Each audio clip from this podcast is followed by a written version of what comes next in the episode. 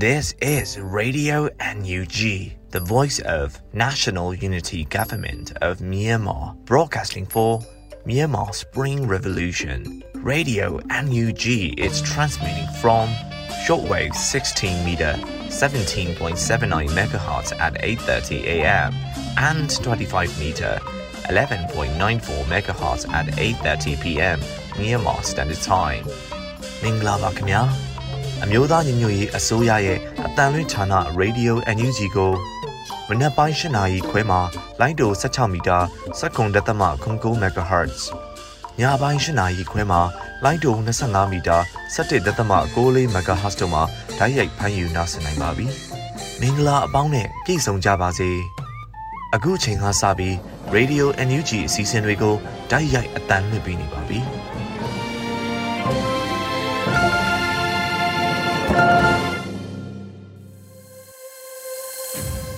မြန်မာနိုင်ငံသူနိုင်ငံသားအပေါင်းတဘာဝပြီးဆရာနာရှင်ပြည်တို့ကနေကင်းဝေးပြီးကိုစိတ်နှစ်ပါးဘေးကင်းလုံခြုံကြပါစေလို့ရေဒီယိုအန်ယူဂျီဖွယ်သားများကဆုတောင်းမေတ္တာပို့သလိုက်ရပါတယ်ရှင်။ခုချိန်ကစပြီးပြည်တွင်းသတင်းများကိုမျိုးဦးမောင်မှဖတ်ကြားတင်ပြပေးပါရမရှင်။မင်္ဂလာပါခင်ဗျာ။ယခုချိန်ကစပြီး Radio NUG ညနေခင်းသတင်းများကိုဖတ်ကြားတင်ပြပေးပါရမယ်။ကျွန်တော်ကတော့ຫນွေဦးမောင်ပါ။ One Day Challenge လှုပ်ရှားမှုဆိုင်ရာကအထမအကြိမ်မြောက်ဒေါ်လာသသိန်းအမျိုးသားညီညွတ်ရေးအစိုးရ NUG တို့ဘန်နာရန်ပုံငွေထောက်ပံ့ခဲ့တဲ့တဲ့တင်ကိုတင်ဆက်ပေးပါမယ်။ One Day Challenge လှုပ်ရှားမှုဆိုင်ရာကအထမအကြိမ်မြောက်ဒေါ်လာသသိန်းအမျိုးသားညီညွတ်ရေးအစိုးရ NUG တို့ဘန်နာရန်ပုံငွေထောက်ပံ့ပေးခဲ့တဲ့အတွက်မေလ28ရက်နေ့မှာအမျိုးသားညီညွတ်ရေးအစိုးရယာယီသမရဒူဝါလရှိလာကဂုံပြူမှတ်တမ်းလွှာပြန်လည်ပေးအပ်ခဲ့တယ်လို့သိရှိရပါတယ်။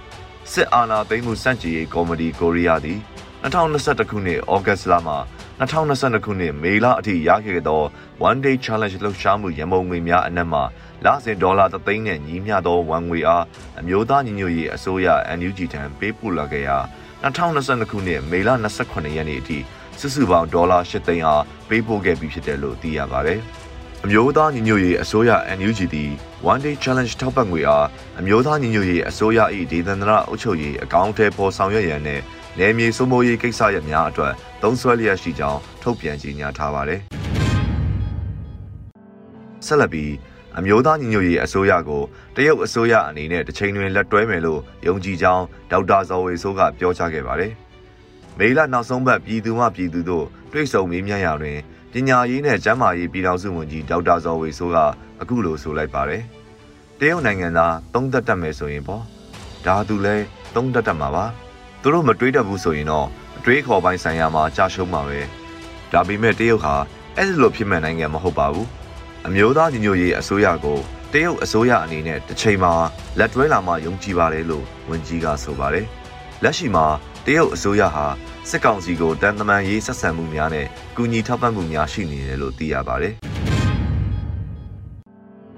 ဆက်လက်ပြီး UK နိုင်ငံအစိုးရမှတာဝန်ရှိသူများနဲ့ NUG မှပြည်ထောင်စုဝန်ကြီးတို့တွေ့ဆုံခဲ့တဲ့တဲ့တင်ကိုတင်ဆက်ပေးပါမယ်။မေလ28ရက်နေ့တွင် UK နိုင်ငံအစိုးရမှတာဝန်ရှိသူများနဲ့ NUG မှပြည်ထောင်စုဝန်ကြီးတို့တွေ့ဆုံ၍မြမအရေးဆွေးနွေးခဲ့ကြတယ်လို့ အမျိုးသားညီညွတ်ရေးအစိုးရစီးပွားရေးနဲ့ကုသန်းရောင်းဝယ်ရေးဝန်ကြီးဌာနကထုတ်ပြန်ပါတယ်။အမျိုးသားညီညွတ်ရေးအစိုးရပညာရေးဝန်ကြီးဌာနနဲ့ကျန်းမာရေးဝန်ကြီးဌာနပြည်ထောင်စုဝန်ကြီး Professor ဒေါက်တာဦးစောဝေဆိုးနဲ့စီးပွားရေးနဲ့ကုသန်းရောင်းဝယ်ရေးဝန်ကြီးဌာနပြည်ထောင်စုဝန်ကြီးဒေါ်ခင်မမမျိုးတို့ဟာမေလ28ရက်နေ့တွင် UK နိုင်ငံအစိုးရမှတာဝန်ရှိသူများနဲ့တွေ့ဆုံ၍မြမအရေးဆွေးနွေးခဲ့ကြတယ်လို့ဖော်ပြပါတယ်။လက်ရှိမှာအမျိုးသားညီညွတ်ရေးအစိုးရကိုကိုစားပြုက ပညာရေးနဲ့ကျန်းမာရေးဝန်ကြီးဒေါက်တာဇော်ဝေဆိုးဟာ UK နိုင်ငံကိုရောက်ရှိနေခြင်းဖြစ်ပါတယ်။ဆက်လက်ပြီးစစ်အာဏာသိမ်းပြီးနောက်ပိုင်းပြည်သူလူထုအလုတ်အကိုင်းအခွင့်အလန်းတွေကစီးပွားရေးများပြတ်ခဲ့တယ်လို့ပြည်ထောင်စုဝန်ကြီးဒေါက်တာဝင်းမြတ်အေးကဆိုခဲ့ပါတယ်။စစ်အာဏာသိမ်းပြီးနောက်ပိုင်းပြည်သူလူထုအလုတ်အကိုင်းအခွင့်အလန်းတွေကစီးပွားရေးများပြတ်ခဲ့တယ်လို့ပြည်ထောင်စုဝန်ကြီးဒေါက်တာဝင်းမြတ်အေးကဆိုပါတယ်။ အာဏာသိမ်းပြီးတဲ့နောက်ပိုင်းမှာပြည်သူတွေအားလုံးဒုက္ခရောက်ပါတယ်။အလုတ်ကိုင်းတွေလည်းပြတ်တယ်။အလုတ်အကိုင်းအခွင့်အလန်းနဲသွားပြီးစီးပွားရေးတွေပြတ်တယ်လို့ဝန်ကြီးကဆိုပါတယ်။စစ်ကောင်စီဟာလုပ်ငန်းရှင်တဲ့တထေးကြီးများကိုလည်းပုံမှန်အမျိုးမျိုးတက်ကအမှုဖွင့်ဖမ်းဆီးထားပါတယ်။လက်ရှိမှာစစ်ကောင်စီကဖမ်းဆီးချုံနှောင်ထားသူလူဦးရေ1000ကျော်ရှိပြီဖြစ်ပါတယ်။ဆက်လက်ပြီးစစ်ကောင်စီလက်အောက်တွင်ကြောင်းအနှံခြင်းကို တက္ကသိုလ်ကောင်စီမှလက်မခံပယ်ချကန့်ကွက်ပြီးအမည်ပြက်စရင်သွင်းမယ်လို့ရန်ကုန်နည်းပညာတက္ကသိုလ်ကောင်စီမှကြေညာခဲ့တဲ့သတင်းကိုတင်ဆက်ပေးပါမယ်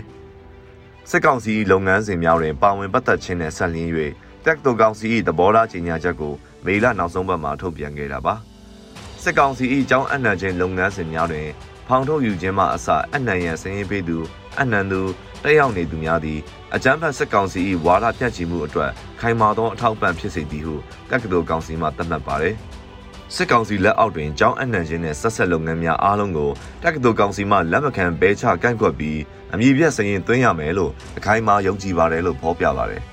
။ရင်းတို့စရင်သွင်းခြင်းခံရသူများအနေဖြင့်ကြီးညာခံရသည့်နေရမှအလုတ်ရက်9ရက်အတွင်း ပြန်လည်ရှင်းလင်းတင်ပြနိုင်ပြီးကောင်စီကစစ်ဆေးကြားနာမည်ဖြစ်ကခိုင်လုံပါကအမည်ပြက်စရင်မှပဲဖြတ်ပြီးမှဖြစ်ပါတယ်လို့ဆိုပါတယ်။သို့တော့၎င်းတို့၏ CDM ID များကိုပြန်လည်ရုပ်သိမ်းခြင်းနဲ့မော်ကုန်းဝင်ចောင်းသားစရင်မှပဲဖြတ်ခြင်းခံရမှာဖြစ်တယ်လို့သိရပါတယ်။ဆက်လက်ပြီးကံကောမြို့နယ်တောင်ပိုင်းလေကြောင်းတိုက်ခိုက်ခံရမှုတွင်ပြည်သူ့ကာကွယ်ရေးတပ်ဖွဲ့များဘက်မှရဲဘော်9ဦးထပ်မံနဲ့ကြာဆုံးသွားခဲ့တဲ့တဲ့တင်ကိုတင်ဆက်ပေးပါမယ်။မေလ26ရက်နေ့ မနက်7:00နာရီကျော်ဝန်းကျင်ခန့်ကအကြမ်းဖက်စစ်ကောင်စီတပ်များသည့်တိုက်ခိုက်ရေးရဟတ်ရင်များဖြင့်ကံကောမြို့နယ်မြစ်တာဆယ်အနီးတစ်ဝိုက်ဝန်းကျင်နဲ့ပြည်သူ့ကာကွယ်ရေးတပ်ဖွဲ့များစခန်းချရာနေရာအချို့တို့ကိုပြစ်ခတ်တိုက်ခိုက်ခဲ့ပါတယ်။အဆိုပါဖြစ်စဉ်အတွင်းပြည်သူ့ကာကွယ်ရေးတပ်ဖွဲ့များဘက်မှရဲဘော်9ဦးထပ်မံကြာဆုံးသွားခဲ့ရပါတယ်။ထပ်တိုးတိုက်ခိုက်ကြဆုံးမှုများရှိနိုင်ပြီးနယ်မြေအခြေအနေအရထိခိုက်ဆုံးရှုံးမှုအသေးစိတ်ကိုအတည်ပြုနိုင်ခြင်းမရှိသေးပါ။ကြာဆုံးသွားသည့်ရဲဘော်များအတွက် ရောင်းစွာစိတ်မကောင်းဖြစ်ရကြောင်းသတင်းထုတ်ပြန်အပ်ပါတယ်လို့ပြည်သူ့အုပ်ချုပ်ရေးအဖွဲ့ကံကောမြို့နယ်ကဆိုပါတယ်။လက်ရှိအချိန်တွင်အဆိုပါဒေသတွင်စစ်ရေးတင်းမာနေဆဲဖြစ်သောကြောင့်ပြည်သူများအနေဖြင့်လုံခြုံရာအရက်ဒေသများတွင်သာနေထိုင်ကြရန်တိုက်တွန်းနှိုးဆော်ထားပါတယ်ခင်ဗျာ။အခုတင်ပြပေးခဲ့တဲ့သတင်းတွေကို Radio NUG သတင်းတောက်မင်းမင်းကပေးပို့ထားတာဖြစ်ပါတယ်။ယခုဆက်လက်ပြီးသတင်းနဲ့အတူလူမှုစကားသံအစီအစဉ်ကဏ္ဍကိုတင်ဆက်ပေးတော့မှာဖြစ်ပါတယ်။ 73စီစေအစမတန်မြင့်တက်နေတာကြောင့်ပရဟိတသမားတွေကအရင်လိုအကူအညီတွေအပြည့်အဝမပေးနိုင်တော့တဲ့အတွက်အခြေခံပြည်သူတွေဟာခက်ခဲမှုတွေနဲ့ကြုံတွေ့နေရပါတယ်။မြန်မာနိုင်ငံမှာစစ်အာဏာသိမ်းပြီးနောက်ပိုင်း2022ခုနှစ်ဇန်နဝါရီလကစပြီး73စီဈေးတွေဇက်တိုက်မြင့်တက်ခဲ့တာပါ။အခုမေလ28ရက်နေ့မှာဓာတ်စီတလီတာကိုငွေချက်2200ဝန်းကျင်အထိဈေးတက်နေတာကြောင့်လူနာတင်ရင်တွေတဲယူပို့ဆောင်ရေးတွေနဲ့အကူအညီပေးနေတဲ့ပရဟိတအသင်းတွေဟာ အရင်ကအကူအညီနိုင်ခဲ့တာထက်တဝက်လောက်လျော်နေပြီးတော့ပဲကူညီနိုင်တော့တယ်လို့ရန်ကုန်မြို့ကန်ပရဟိတအသင်းတာဝန်ရှိသူတို့ကဆိုပါတယ်ခန္ဓာရည်ကြီးလားဆိုတော့လောလောဆယ်ကတော့ကျွန်တော်တို့ကဟိုပါပေါ့ကားသုံးပြီးရှိရင်ဒီလောက်ပဲရန်နိုင်တော့တဲ့အနေအထားမျိုးဖြစ်သွားပြီပေါ့အရင်ကကျွန်တော်တို့တပတ်ကိုလူနာဒီအပိညာကောသေုံဆိုကြလူနာပေါ့အဲ့လိုမျိုးဟိုဟိုတော့ကို10ယောက်လောက်ကူညီနိုင်အခုချိန်မှာကျွန်တော်တို့9ယောက်လောက်ဖြစ်သွားတော့ထောက်လောက်ကြာသွားတယ်ဟို ဒီစီလေးတက်ပြီဆိုတာနဲ့ကျွန်တော်တို့လုပ်ငန်းတွေအခုဒီထက်ပိုတက်ရင်ကျွန်တော်တို့ဒီပူညီနေတဲ့ကားတွေပါရဲရမှန်းနေထားတယ်သွားပြီဒါတော့ကျွန်တော်တို့မှမဟုတ်ဘူးအကုန်လုံးဒုက္ခရောက်တာစီလေးတက်တာကတော့အဲ့လိုဆိုတော့ကျွန်တော်တို့ဒီစီလေးနောက်စီရလဲအခုကစီလေးတက်တဲ့အပြင်ကျွန်တော်တို့လိုတော့ဝယ်လို့မရဘူးကိုယ်အဲ့လိုမျိုးဖြစ်နေတယ် ကျွန်တော်တို့မှာကားထဲမှာစီအမြဲနဲ့ထည့်ထားဖို့ကြတော့လေအဲမှာရံကုန်ရှိနေတော့ပြဿနာမရှိဘူးမရှိတဲ့အချိန်ကျတော့လေစီအမြဲနဲ့မထည့်ထားနိုင်အဲ့လိုမျိုးကြတော့ကျွန်တော်တို့ညာအေးညတာထားထွက်တဲ့အချိန်မှာစီထဲဖို့နဲ့ဆိုင်နေဆိုင်နိုင်ကိုမိတဲ့ဆိုင်မှာပြီးရှိဖို့နဲ့အဲ့လိုမျိုးလေးတော့ကျွန်တော်တို့အများကြီးခက်ခဲရှိတယ်ကိုရန်ကုန်မြို့ကနာရီကူညီတဲ့အသင်းတွေလူနာတင်ကားဝန်ဆောင်မှုပေးတဲ့အသင်းတွေစားတောက်ကုံပံပိုးတဲ့အသင်းတွေအားလုံးမှာရန်ပုံငွေတစ်နေ့ထက်တစ်နေ့နှဲပါလာတယ်လို့ဆိုပါတယ်။ကုန်စည်နှုန်းအစမတန်တက်နေတာအလောက်ကိုင်းတဲ့ပုံမှန်ဝင်ငွေမရှိတော့တာတွေကြောင့် ပြည်သူတွေပိုချက်တဲလာတာကိုမြင်နေရပေမဲ့အလူရှင်တွေကိုယ်တိုင်လည်းလက်ပန်းချလာတဲ့အတွက်အကူအညီတွေလိုတလောက်မပေးနိုင်ဘူးလို့ပရိုက်တာသမားတယောက်ကပြောပါတယ်။အားလုံးကကက်ကက်ကြီးကဆိုတော့ဒီကချင်းရတဲ့ပေးချင်လို့ပဲမပေးနိုင်ကြဘူးဆိုတော့ဒါကျွန်တော်တို့ကလည်းဒီကိုလေးကတော့ဖားမဲ့ဆိုတော့တိုင်းသွားတဲ့ခါကျတော့ကျွန်တော်တို့ဒီမိုးလေးတွေပါလို့ပြောပါကျွန်တော်တို့ private တွေပါတယ်ဆိုတော့ပတ်ကြည့်ဘူးအဲတို့ကလည်းဒီဝါရီနဲ့ဆိုဒီတဲ့ခါကျတော့ကျွန်တော်တို့ဆက်ဆက်ကြည့်တယ်ဒီကကျွန်တော်ကက်ကက်ကြည့်တယ်တင်းနေတင်းနေအဲ့ဒါ ဘာတိတော့ဟောဆိုရင်တစ်ထောင်နဲ့အဲနေရာလောက်ကြည့်တော့တစ်ထောင်တရားတော့တကားလည်းဟောကြောက်တော့အဲချက်တော့ကြည့်ရကြတယ်ရန်ကုန်မြို့မှာတပိတ်တွေကိုစစ်တပ်ကအကြမ်းဖက်ခဲ့ပြီးနောက်ပိုင်းမြို့ပြပျောက်ကြားလူငယ်တွေကစိုက်ကယ်တွေကိုအသုံးပြုပြီးတိုက်ခိုက်တာတွေရှိလာတဲ့အတွက်စိုက်ကယ်စီးကွင်းကိုစစ်ကောင်စီကပိတ်ပင်ခဲ့ပါတယ်။အကျိုးဆက်အနေနဲ့စိုက်ကယ်ကယ်ရီဆွဲပြီးအသက်မွေးနေရတဲ့လူတွေအတွက်ဝင်ငွေရလန်းရက်တန်သွားပြီးအလုံးလက်မဲ့ပြဿနာနဲ့ကြုံတွေ့ခဲ့ရပါတယ်။ရက်စက်မီပုံမှန်မရတာ 73စီဈေးတက်တာတွေကြောင့်တနိုင်တစ်ပိုင်းအသေးစားနဲ့အလက်စားလုပ်ငန်းတွေလည်းရပ်ဆိုင်းနေပြီးအဲ့ဒီလုပ်ငန်းတွေကိုမိခိုနေရတဲ့အခြေခံပြည်သူတွေဟာလည်းစားဝတ်နေရေးကြက်တဲနေပါတယ်။ဒီ ဒီသတင်းကိုတော့ຫນွေဦးကေကပေးပို့ထားတာဖြစ်ပါတယ်ခင်ဗျာတိုက်ပွဲတွေမှာရခိုင်တပ်မတော် AA ပါဝင်လာတာဟာຫນွေဦးတော်လန်ရေးအတွက်အင်အားဖြစ်စေတယ်လို့စကိုင်းဒေသခံနိုင်ငံရေးသမားတွေကပြောပါတယ်မေလ26ရက်နေ့က ရခိုင်ပြည်နယ်ဆက်ချင်းပြည်နယ်ပလောဝမြို့မှာလက်နက်ကြီးပစ်ခတ်တံတွေအချက်ပေါင်းများစွာပေါ်ထွက်ခဲ့ပြီးရခိုင်တပ်တော် AA နဲ့စစ်ကောင်စီတို့ရဲ့စစ်ရေးမတည်ငြိမ်မှုစတင်ခဲ့တာပါ။ဧပြီလဇန်မိုင်းကလေးကစစ်ကောင်စီကပလက်ဝမြို့မှာအင်အားတိုးမြင့်ချထားပြီးစစ်ရေးအတွက်ကြိုတင်ပြင်ဆင်ခဲ့တာလို့မုံရွာတပိတ်ဥဆောင်ကော်မတီကိုစိုးဝင်းဆွေကအခုလိုဆိုပါတယ်။နိုင်ငံရေးရတော့ကျွန်တော်တို့ဒီတိုင်းသားတွေကလည်းသူတို့ရဲ့ဒါနှစ်ပေါင်းများစွာသူတို့ကြောက်တုံးလာခဲ့တဲ့ ကိုယ်ပိုင်ပြဋ္ဌာန်းခွင့်အတွက်တော့တော့သူတို့ရက်တီတိုက်ပွဲဝင်ကြတာပဲသူတို့ကိုယ်ပိုင်ပြဋ္ဌာန်းခွင့်အတွက်အာမခံချက်ရှိနိုင်မဲ့နိုင်ငံရေးလှုပ်ရှားမှုနဲ့တပါးတဲ့စီးရေးလှုပ်ရှားမှုမျိုးကတော့2021ရေခင်းကြမှာလုပ်တာမဟုတ်ဘူးပေါ့အရင်ကတည်းကလည်းသူတို့ပုံမှန်လုပ်နေကြဖြစ်တယ်ပေါ့နောက်တစ်ခါတော့ဒါကျွန်တော်တို့ဒီစကိုင်းချင်းကဒေါ်လာရေးမှာအားကောင်းဆုံးဖြစ်တယ်ဆိုတဲ့နေရာမှာလည်းအဓိကအားကောင်းရတာကလည်းကျွန်တော်တို့ဒီဘက်မှာရှိတဲ့အမာခံ EO တွေ EAO တွေဖြစ်တယ်ကျွန်တော်တို့ကချင်တို့ချင်းတို့ပေါ့ဗျာဒီဒေါ်လာရေးထဲမှာကျွန်တော်တို့ကတကယ်ကိုထဲထဲဝင်ပါဝင်လာတဲ့အခါကျတော့ အဲ့ဒီ background ကြောင့်လေစကိုင်းတိုင်းကလက်နက်ကိုင်တော်လိုက်အားကောင်းလာတဲ့အကြောင်းရင်းတွေမှာပါတယ်ပေါ့ဗျာဆိုတော့ဒီ AA ဘက်ကလည်းဒီလိုထိတွေ့မှုတွေဖြစ်လာတယ်နောက်တစ်ခုကဒီ AA နဲ့ NUG နဲ့ကလည်းမီဒီယာမှာတော့ထုတ်ပြီးတော့ဂျင်နေရှားကြပေါ့လူသိချင်းကြဆက်ဆံလာတဲ့အပိုင်းတွေရှိတဲ့ခါကျတော့ကျွန်တော်တို့ဘယ်လိုလဲဖြစ်ဖြစ်တော့ပေါ့ဗျာဒါတွေကနေမှုတော်လှန်ရေးအတက်ကတော့အားအင်ဖြစ်တယ်လို့ယူဆပါတယ်ပေါ့စက်ကောင်စီဟာတနိုင်ငံလုံးအတိုင်းအတာနဲ့ပြည်သူတွေရဲ့စန့်ကျင်မှုကိုခံခဲ့ရတာကြောင့်ရခိုင်ပြည်နယ်ဘက်ကိုမလှည့်နိုင်ခဲ့ပေမဲ့ တဖြည်းဖြည်းအင်အားကြီးလာတဲ့ရခိုင်တပ်တော်ရဲ့အခြေအနေဟာစစ်ကောင်စီအတွက်ချင်းချောက်မှုဖြစ်လာတယ်လို့ဦးတန်းစိုးနိုင်စီရေးလေးလာသူကအခုလိုပြောပါတယ်စစ်ကောင်စီကရခိုင်ကိုလွတ်တာလေဆိုတာတပြည်လုံးမှာ PDF တွေနဲ့ EO တွေနဲ့တိုက်ပွဲတွေအနှံ့ပြဖြစ်နေတဲ့အောက်မှာယာယီအဖြစ်ခိုင်ကိုလွတ်ထားခဲ့တာပါဒါပေမဲ့ရခိုင်ကနေပြီးတော့ကိုအုပ်ချုပ်ရေးကိုထူထောင်မှုတွေကိုအာဏာကိုထူထောင်မှုတွေဒါရင်အစင်တို့လုံလာပြီဆိုရင်စစ်ကောင်စီက ဒီတိုင်းထိုင်ကြည့်နေမှာမဟုတ်ပါဘူးเนาะထိုးလက်တွေလှုပ်လာအခုအဲ့ဒါတွေစဖို့အတွက်စတင်ပြီးတော့လှုပ်ရမ်းလာတာလို့ကျွန်တော်တို့ယူဆပါတယ်အဲ့ဒီကနေပြီးတော့ပေါက်ကွဲထွက်ပြီးတော့မုတ်ချရခိုင်မှာလည်းတိုက်ပွဲဖြစ်လိမ့်မယ်လို့ကျွန်တော်တို့ယူဆပါတယ်ဧပြီလ9ရက်နေ့ကပြုလုပ်ခဲ့တဲ့ရခိုင်တပ်တော် AA ရဲ့သတင်းစာရှင်းလင်းပွဲမှာ ပြောခွင့်ရခိုင်ဒုက္ခရဲ့ပြောဆိုချက်တွေအရ AA ဟာအမျိုးသားညီညွတ်ရေးအစိုးရ NUG နဲ့နှိစက်လာခဲ့ပြီးရခိုင်တပ်တော်ရဲ့စစ်ရေးအရာပြင်ဆင်ထားတာတွေကိုလည်းခိုင်ဒုက္ခကတစိမ့်တစ်ပိုင်းထုတ်ဖော်ပြောဆိုခဲ့ပါတယ်။ဒီသတင်းကိုတော့ຫນွေဦးကေကပေးပို့ထားတာဖြစ်ပါတယ်ခင်ဗျာ။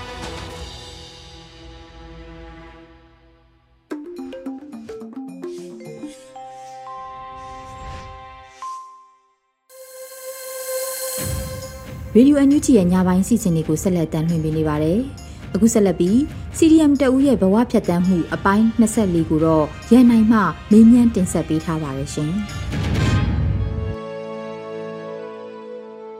မင်္ဂလာပါဆရာခင်ဗျာပထမဆုံးအနေနဲ့ဆရာကဘယ်ဌာနမှာလောက်သက်ဘလောက်ထိတာဝန်ထမ်းဆောင်ခဲ့ပြီးတော့အခုလို CDM ပေါင်းပြခဲ့ပုံကိုလည်းသိပြရစေခင်ဗျာ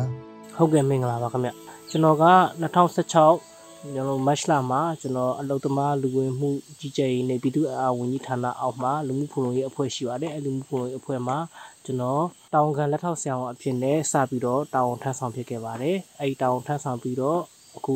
2021ခုနှစ်ဖေဖော်ဝါရီလတရက်နေ့မှာအာဏာသိမ်းမှုဖြစ်ပေါ်တဲ့အတွက်ကြောင့်မလို့ကျွန်တော်တို့ရွေးချယ်တင်မြှောက်ထားတဲ့အစိုးရအောက်မှာပဲကျွန်တော်တို့ဆက်လက်ပြီးတာဝန်ထမ်းဆောင်မလားဒါမှမဟုတ်လို့ရှိရင်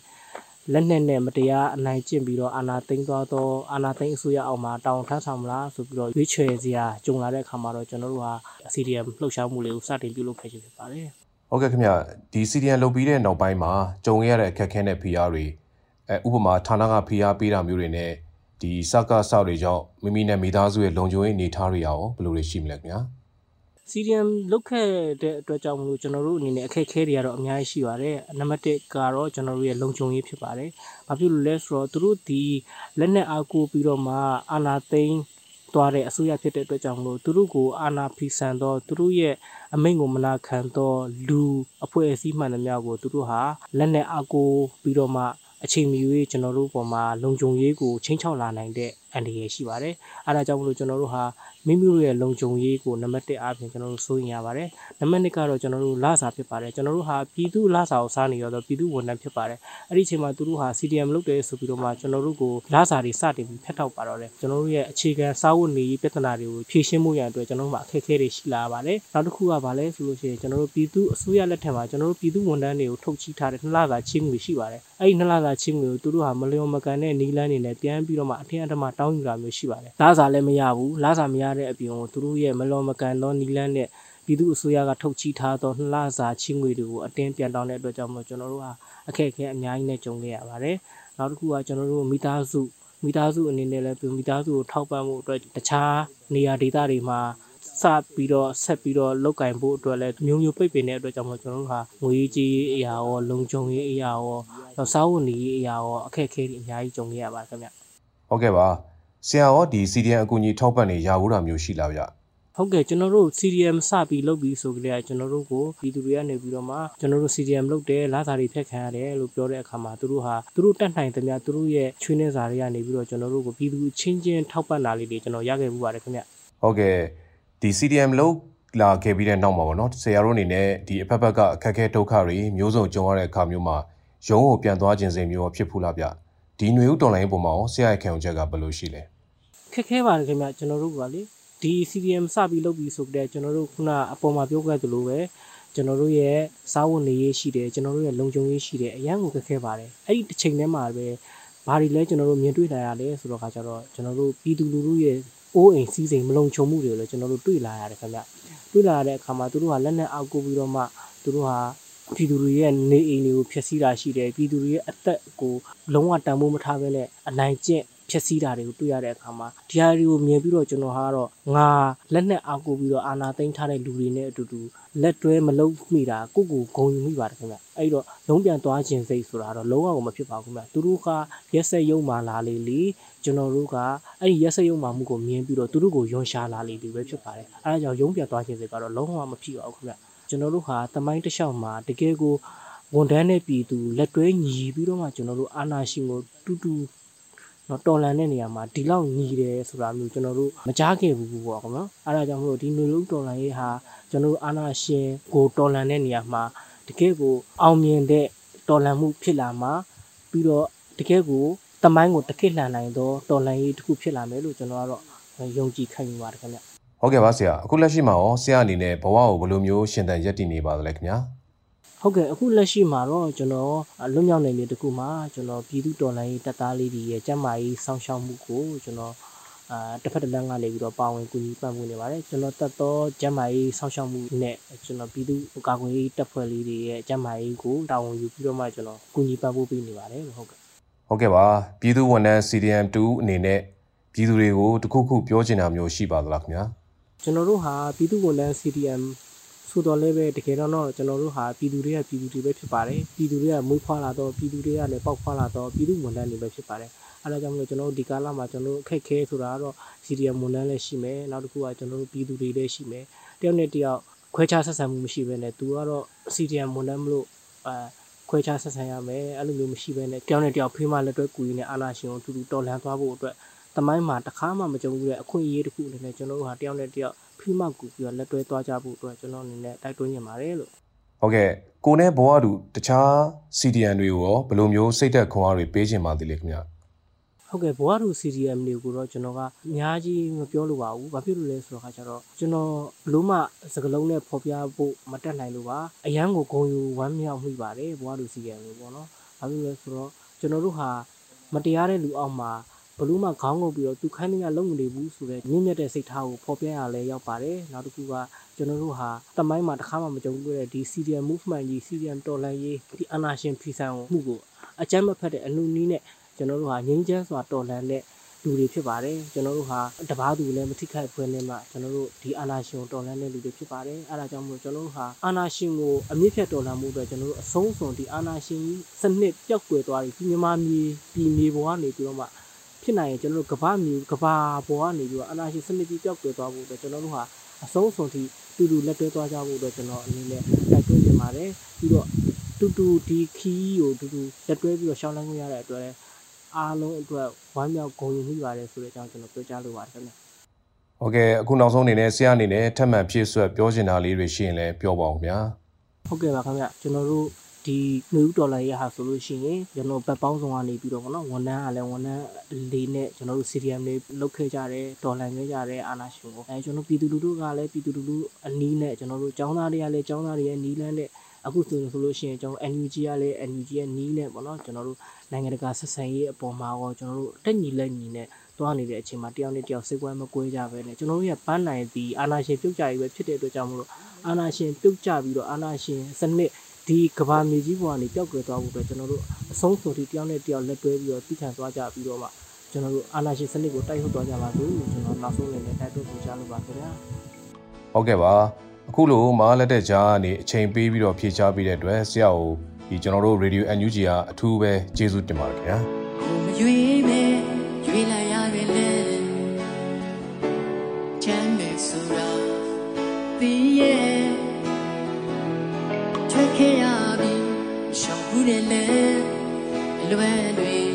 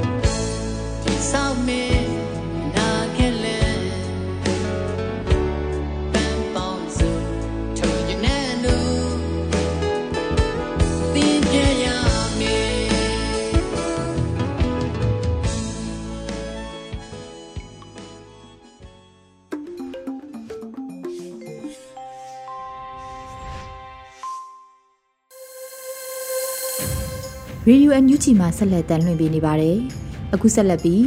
တော်လှန်ရေးဆောင်းပါးအစီအစဉ်မှာတော့သွေးကွဲရင်ခွေးဆွဲခံရမယ်ဆိုတဲ့ဆောင်းပါးကိုတခင်အန်ကတင်ဆက်ပေးထားပါတယ်ရှင်။သွေးကွဲရင်ခွေးဆွဲခံရပဲ။လူဦးပြည်သူများရခင်ထက်နှစ်ဆစီလုံးကြဖို့လိုပါပြီ။ဒီစကားဟာယခုလိုနှွေဦးအောင်ပွဲနီးကပ်လာချိန်မှာမပြောမဖြစ်ပြောရပါတော့မယ် ယခုအချိန်ဟာမောင်ရင်လောင်းတယောက်လိုဖြစ်နေတယ်အမိမြမပြည်အတွက်အဆဆအရာရာတတိကြီးစွာထားနေရတဲ့အချိန်ပါမိမိတို့အနေနဲ့ခံစားချက်ခံယူချက်နှမျိုးလုံးကိုကောင်းစွာနားလည်ပြီးနေရာမှန်အသုံးပြုတတ်ဖို့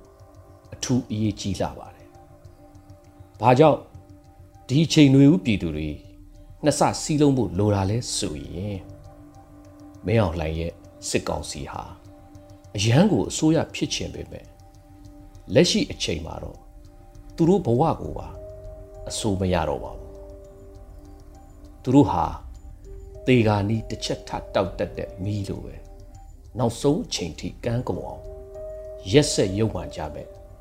စစ်မိတ်စာမျိုးတွေမှုပါယခုဆိုရင်မင်းအောင်လိုင်းဟာမတန်မရာတမရနေရာယူလို့ နှစ်ပေါင်း80ကျော်စစ်တပ်ကြီးလဲတက်ပြက်ကြီးဘဝရောက်သွားပါပြီနောက်ထပ်အာနာရှင်တို့ထုံးစံအတိုင်းကိုဖဲကိုချိုးကိုကလပန်ကိုထိုးပြီးကိုဖဲကိုဝေလှုပ်တဲ့မဟာလာဟာသူကိုယ်တိုင်စစ်ကောင်စီဥက္ကဋ္ဌနေရာယူ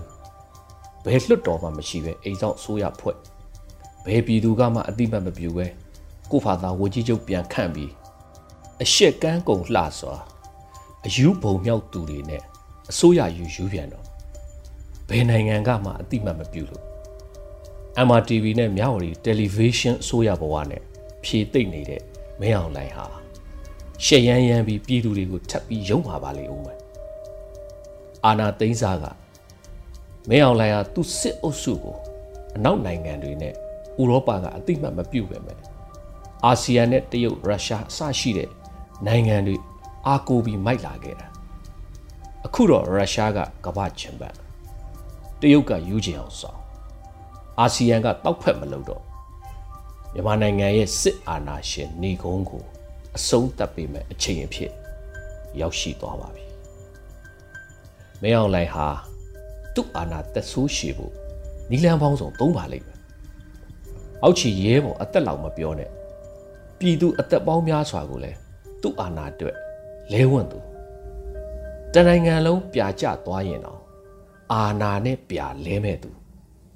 နောက်ဆုံးဇတ်တူသားစားဖို့ကလည်းမထူးဆန်းသူမို့ပြည်သူကိုတွေးခွဲဖို့က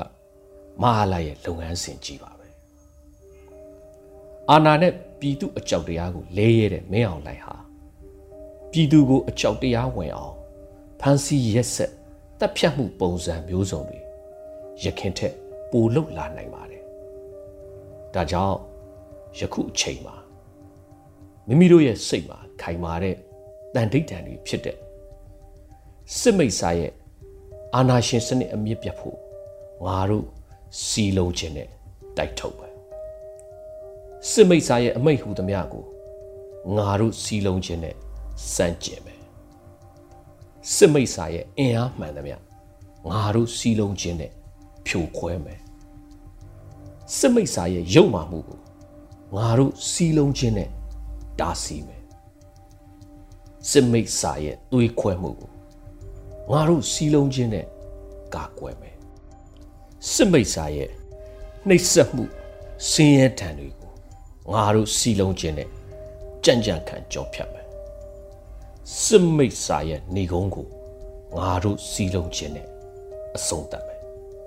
စတဲ့တန်ဋိဌာန်ကို ထက်ခါရေရွရပါမယ်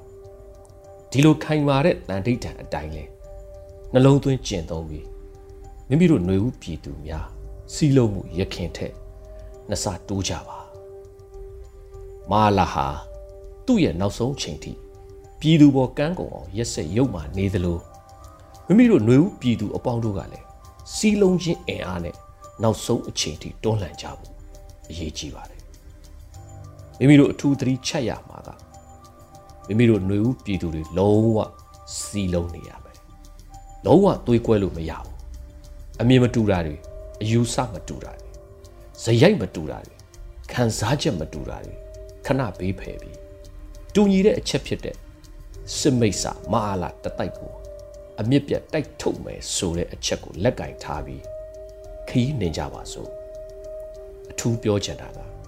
မိမိတို့ຫນွေဦးပြည်သူတွေတွေးကွဲရ ခွေးဆွဲခံရမယ်လို့ပြောလိုက်ပါစီအရေးတော်ပုံအောင်နေပါပြီတခင်